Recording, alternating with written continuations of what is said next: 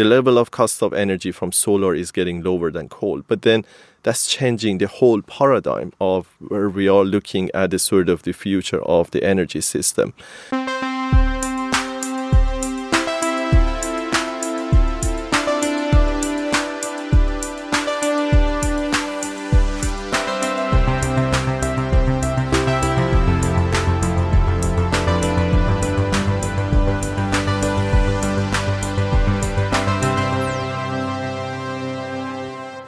Okay, good morning. Welcome back to Heja Framtiden, the Swedish podcast on the future. My name is Christian von Essen. I'm here at Helio GT30 GT30 in Stockholm.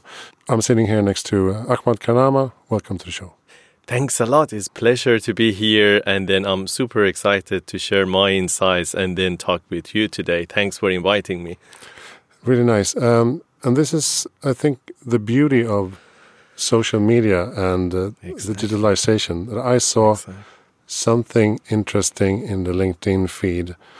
I looked up who you were. I saw that you worked as a, the sustainability director at Ericsson. Right. I saw that you had a foundation. Uh, you had a PhD, and I sent you a request, and here we are. yes, exactly. That's the beauty of our time. And then, yeah, I mean, I'm glad to got in touch with you, and I watch and also look at some of your podcasts as well, interesting topics that you discuss. And I'm very glad to contribute to, to that conversation and bring my perspective to the picture as well, or my two cents yeah. to, to, to this work. Yeah. Great. Um, and we should also add that you don't, you're not here representing Ericsson.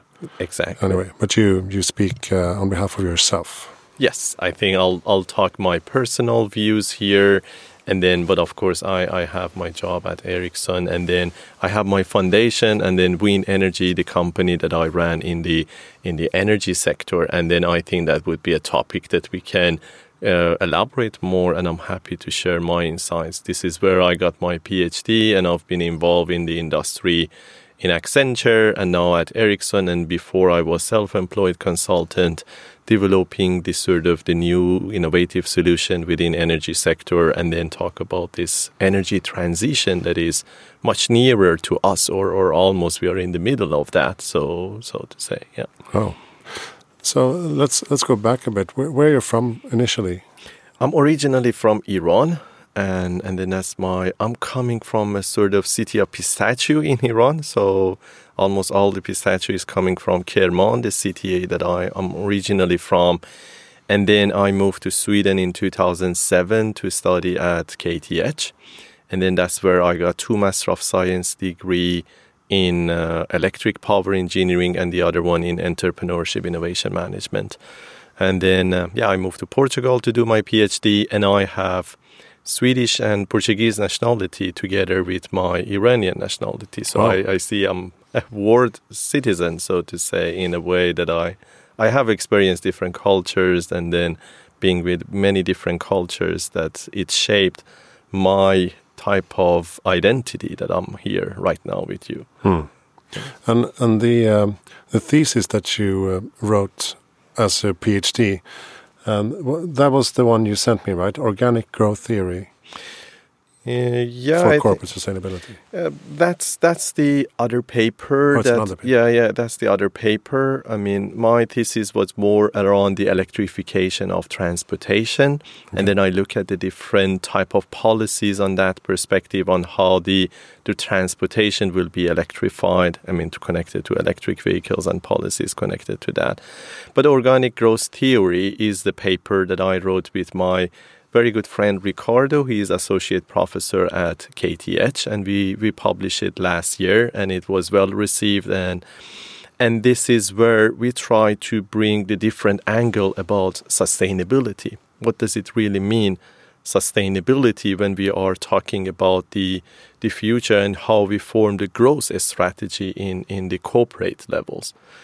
I mean, the, the challenge that I had, I mean, during this time that I work in many different industries was that we were seeing sustainability as a sort of cost compensating or a sort of risk mitigation plan.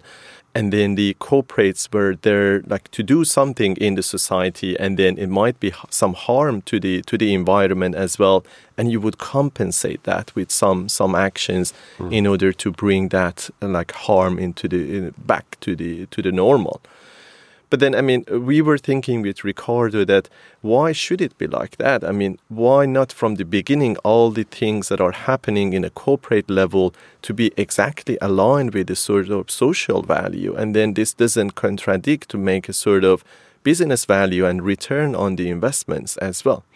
So that's that's the sort of a mind shift that we don't see a sustainability as extra cost, but it's like part of the growth strategy for any corporate to form the future of the sort of the business that that we can do. And then this seems to be the only way to run the business. Otherwise, we wouldn't have any business or any type of, I mean, planet that we are we are living to do any business, so to say.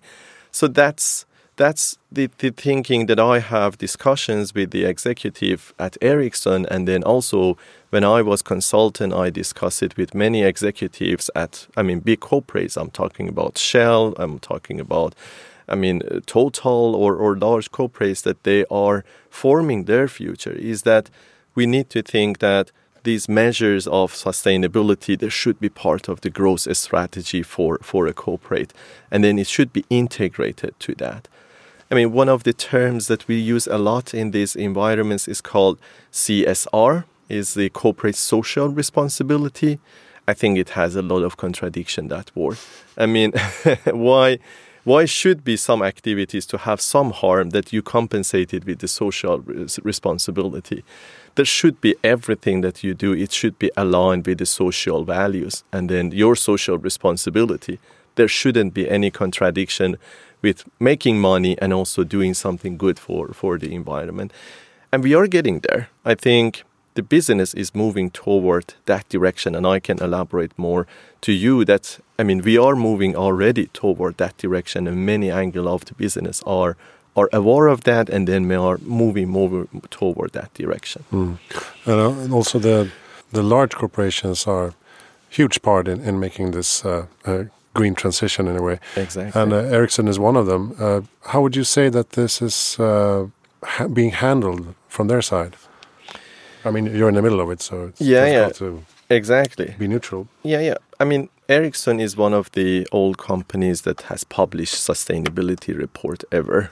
So, I mean, it's pioneers in this area that we publish uh, sustainability reports and then the report is publicly available. And then when you look at that, the targets are very ambitious to reach. I mean, there are sort of carbon neutral targets for our vehicles that we want to go carbon free, and then also there are targets on on the sort of the electricity that we got to be to be carbon free as well. And then there are lots of questions around when the 5G is being deployed, so how we can make sure that the electricity consumption will not increase. So then one of the angles that I wanted to bring to that picture is that I mean in the past years if you look at the sort of electricity generation that is eventually being consumed by the telcos or, or any other consumer was that from a coal power plant or a nuclear power plant we saw that the energy like cost or the cost of each kilowatt hour we call it levelized cost of energy was I mean considerably lower than the sort of the renewable alternatives. Yeah. I mean we were we were looking at like maybe four times lower cost for nuclear comparing with solar. But nowadays I think since last year we saw that solar is even getting cheaper than than like coal power plants. I mean that's a huge change that it will be, I mean, that's a small change that you just see it, okay, the level of cost of energy from solar is getting lower than coal. But then that's changing the whole paradigm of where we are looking at the sort of the future of the energy system. When I'm saying whole paradigm means that it is not only generated locally, it should be managed in a sort of very different way as well. I mean, it's not like a big power plant somewhere and then you bring it to the houses and distribute it. So then it is distributed and then it is sort of volatile as well. It's changing and then you can't control over the sun as well. So the management of that system is changing and then the whole new business opportunities is coming with that. And then utilities will change their type of perspective toward that and and then so that's the huge change of the, the sort of the whole energy systems and then what I was telling you in the beginning, how the, the sustainability is part of the growth strategy is that we see that if you invest right now in solar is not only good for the environment, but also it is good something for, for your pocket and then for the business returns as well. If you compare it solar investments these days with a sort of coal power plant, I would say they are far better because even not the returns on the numbers better, but then consider the risk that you have from a solar power plant that is almost, I mean, you can't say zero, but it is almost zero because mm. if the sun doesn't shine, we have much bigger problems in the world to think about your solar power plant is, is making a return. So then, I mean, putting that in the perspective is that, I mean, yes, Ericsson is moving toward that direction and then the whole market is is just transitioning to the sort of bringing that sustainability as a sort of part of the growth strategy and then is not only a sort of um, good for the environment, good for our planet, but also is good for the, the pocket and the returns on the investments, which I, I'm, I'm coming from a sort of business thinking. And then that's absolutely important because that's how we, we, we ran this society. We need to think of profit. I mean, that's that's impossible to always think to be like a non-profit. So it, there should be a sort of profit, but then it doesn't. It shouldn't cost the environment to to make that profit. And mm. then that's the core of the the thinking that I brought to this organic growth theory. Yeah, and I I think uh, the reason I was interested in you immediately was uh, the combination of telecom and sustainability and, and uh, electrification because there are so many technologies converging in that soup. Exactly. You know, uh, developing 5G and uh, therefore developing Internet of Things mm -hmm, growth, mm -hmm. therefore uh, boosting uh, AI development. AI can help um, managing the electricity networks and grids better, uh, reducing um, inefficiencies and uh, costs, etc. Exactly. So it, it all sort of uh, converges in a, in a, beautiful way. Mm -hmm. Everyone is talking about electrification now. Do you see it happening as fast as we think it is, or are there many obstacles to be overcome still? Let's look at the transportation, the electrification in the transportation. I uh, recently published a book that is, uh, I mean, available on Amazon as well, and is also translated to eight languages, so available oh. there. But and then I was there discussing about the the future of the transportation and how this will be electrified. I believe deeply that I mean, and nobody doubts right now. I started to work with electrification of transportation in 2008, but then and I, I had the same belief then that I have right now that we will large share of the sort of the vehicles will be transformed to be electric. And that's no doubt about that.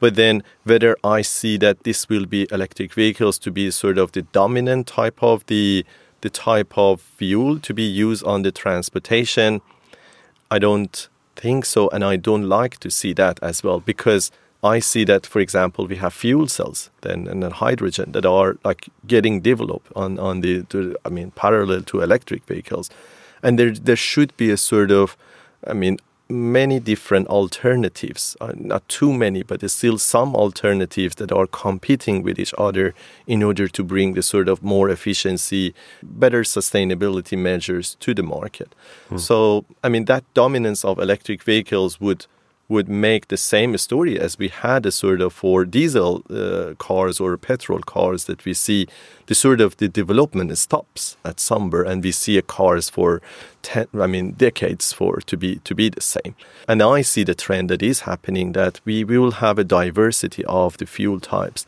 on on the transportation and then there are many different angles to that that I mean, you need utilities to be there to input the to charging stations. We need policies to be right in order to support that transition, not to not to overdo it, not to like do it less, but then also to be uh, on a on a right level, and then at the end of the day is like that you want to reduce the carbon emissions, which is the main targets that we have, and then that's that's something that is causing existential threats for mm. for us and uh, in the world.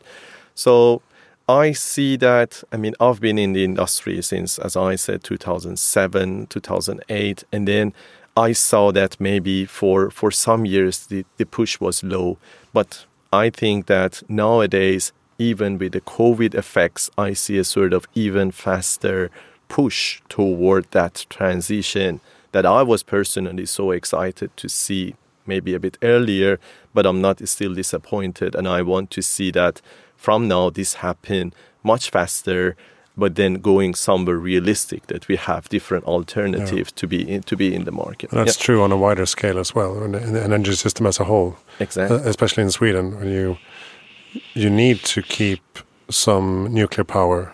I think Fortum says like a third nuclear, a third water, a third wind mm. would be a good exactly. a good um, mix. But yes. you need a mix because uh, you rely on them on different time schedules. Exactly. I mean, to have a balance, I think that I'm I'm coming from somewhere that I'm I'm not like extreme to be to be like to go green all the time. Of course, we, we need to reduce the carbon emissions, but then the way that we ran the business and also we bring the sort of the the the, the supply, the, the continuity of the supply of the electricity, I think that's crucial. And and then uh, yeah, I think there are examples that we went a bit faster. And I mean, look at Germany, for example. We saw a lot of excess electricity there, and then the need for a sort of the storage systems to be there. We need to keep the pace of the changes when we can manage that, and then the infrastructure is ready to, to handle that. My opinion is that we were a bit slow and we are getting to the speed that is, I think, that's realistic and then we don't have to get extra ambitious when the speed is getting to a realistic way and then but push it realistically when when we are just transitioning mm. for for good yeah what are your hopes for the uh, electricity storage development? I mean we have battery development and we have uh, hydrogen as you said. Mm. are there any other sources of uh, storage? These are the options that you're saying. Those are the smaller scale type of storage. And then these are like your your cars. I mean it still is considered small or or i mean you are we are discussing about even like for large drilling systems that you will have a sort of battery system to to fit the, the sort of the device but then in the larger scale, there are many alternatives for, for a storage. For example, a simple alternative is that you take water when the electricity cost is lower to put it on somewhere higher height, and then you use it when, when you bring it down when you want to sort of have the the energy to be to be consumed. So the the overall battery technology I think is evolving very fast. The cost is is getting reduced and then this is like many factories around the world that they are generating uh, lithium ion type of a storage system and, and the battery system that it can be implemented in, in many devices. And then when we bring the angle of IoT and then the connectivity to that, you can use the energy in more efficient way as well. That I mean that angle of that saving is, is sort of important as well. The whole storage system market, I think is a big shift toward lithium ion for mm. sure. I think that's a that's a dominant type of battery solution that it is getting manufactured all around the world. We see that in a sort of medium term to to happen, and many devices they still need that type of uh, battery system to go.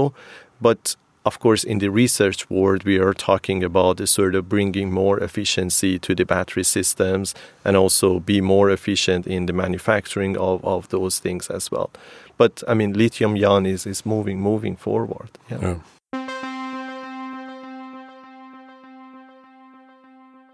So tell me a bit about uh, the Aban Foundation that you started. yes.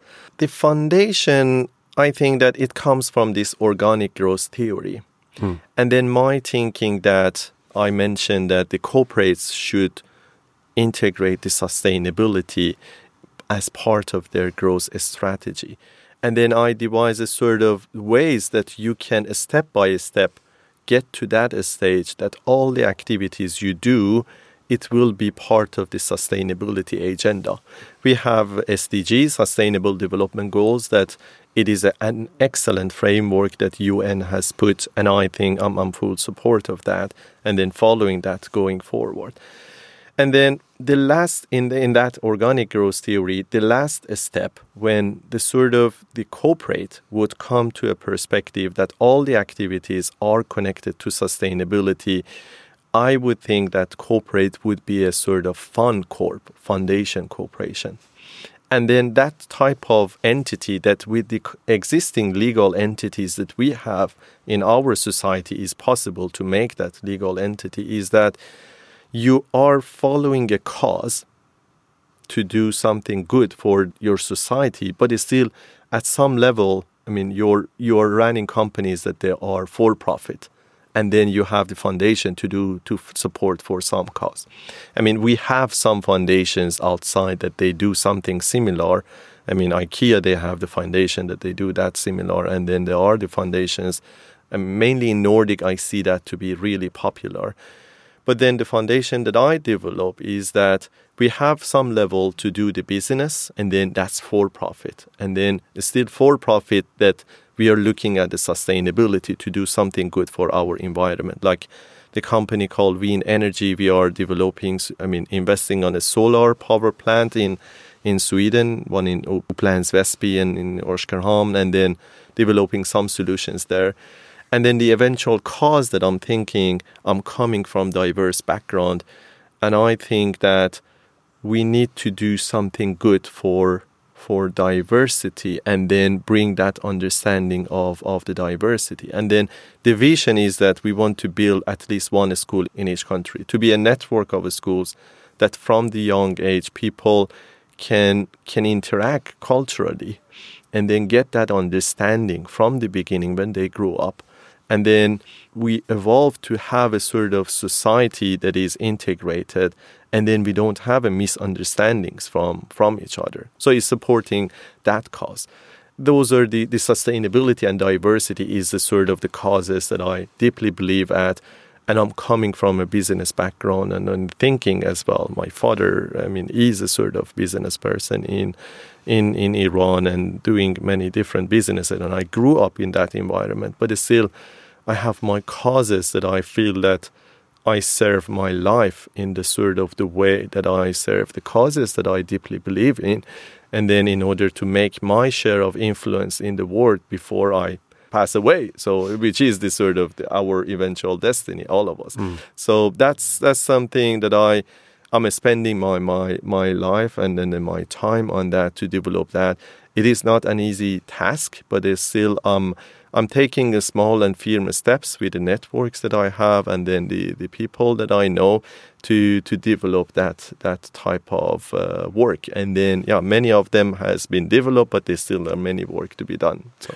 But uh, what kind of uh, schools uh, would that be? I think that each country is following each regulation, and mm. I don't want to interfere with their regulation for for the sort of the for the education. Was it primary school? Yeah, I'm, I'm thinking more younger mm. age. Mm. And then because I see that if a Swiss guy goes to Angola for, for some time or Angolian, I mean, he comes to, to, to, I don't know, Sweden, and then, I mean, he comes back and then bring that message with him to, to that environment. And then we get that type of understanding from each other that, for example, if I behave like this that is different from your mentality, this doesn't mean that I want to be mean to you or, or I want to be against your values or, or anything. It's just that we are different. And this is the beauty of the nature that we are built different. And then that beauty is supported by many research that is added value, it's creating innovation, is creating a sort of more prosperous society for, for all of us. And then because of many things. I mean, we like to be in our comfort zone. We want to have the same friends as we used to have. Or, I mean, there are some, I don't know, some political or religious thinking as well that you want to keep you within a sort of a small environment. Mm. Then we are getting to be a bit far from that, the nature of who we are to be diverse and different.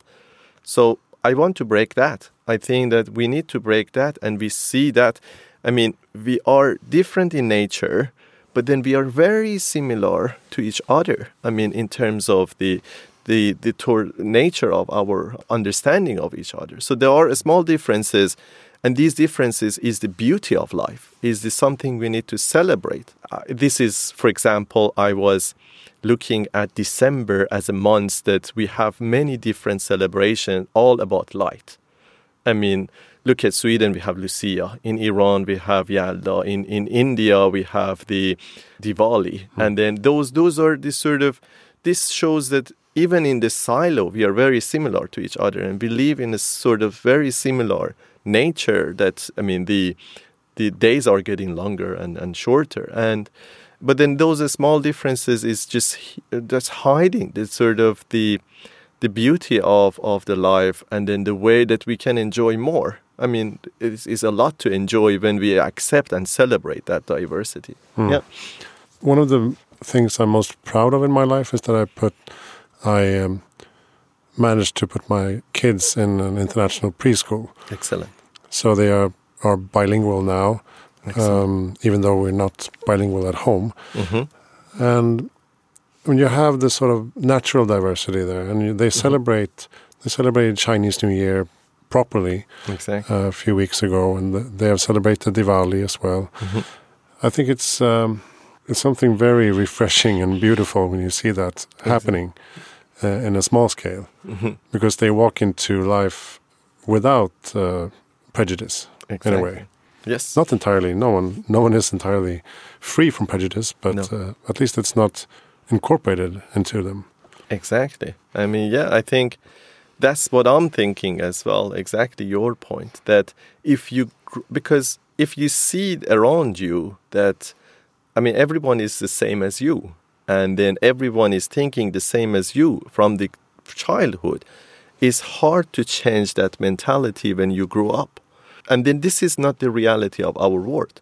We are not the same. We are not, I mean, in many different angles, we are not the same and then you try to just give that perception to the people or, or the kids that we are the same and we are thinking the same and then if someone thinks differently than you i think that's strange and then i mean let's avoid that person or let's not talk with that person but then with that i think not only you yourself you will be in a sort of in the corner but then you lose a lot from the life to enjoy because i mean this is a lot to see and then a lot to enjoy.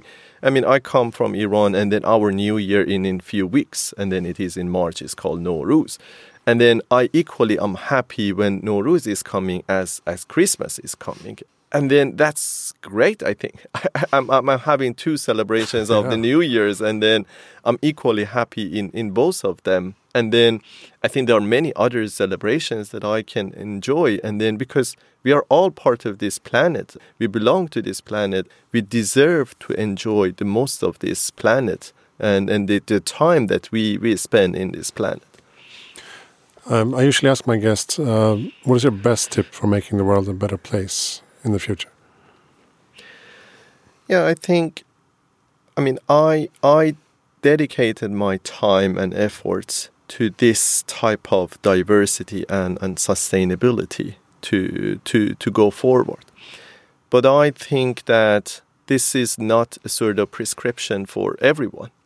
I think that the life would be much more beautiful if you find a sort of area or a cause that you deeply connected to that. It can be anything, and then it can take long time also to find that. But then never stop to to find that that is good for you feel connected personally because I mean everyone is different, and then if you find that and never get disappointed to find that cause or or anything that you would love to spend your time day and night to do something good for, for that, and you feel that you are adding value to the society for that cause.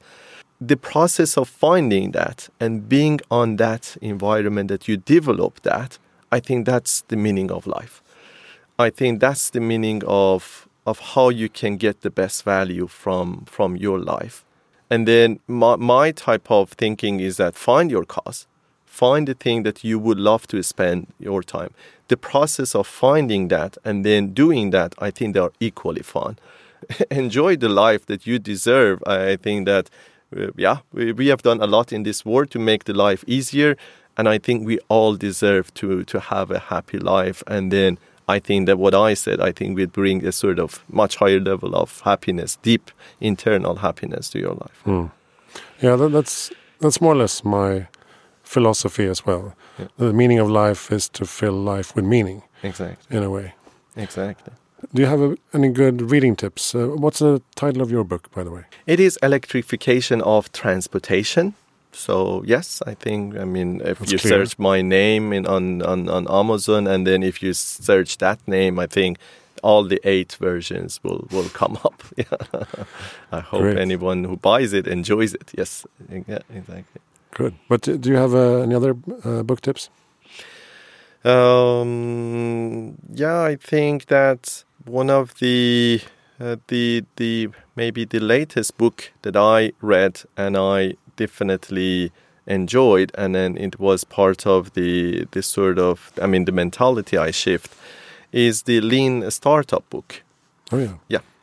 I think Eric, Eric Rice. Yes, Eric yeah. Rice.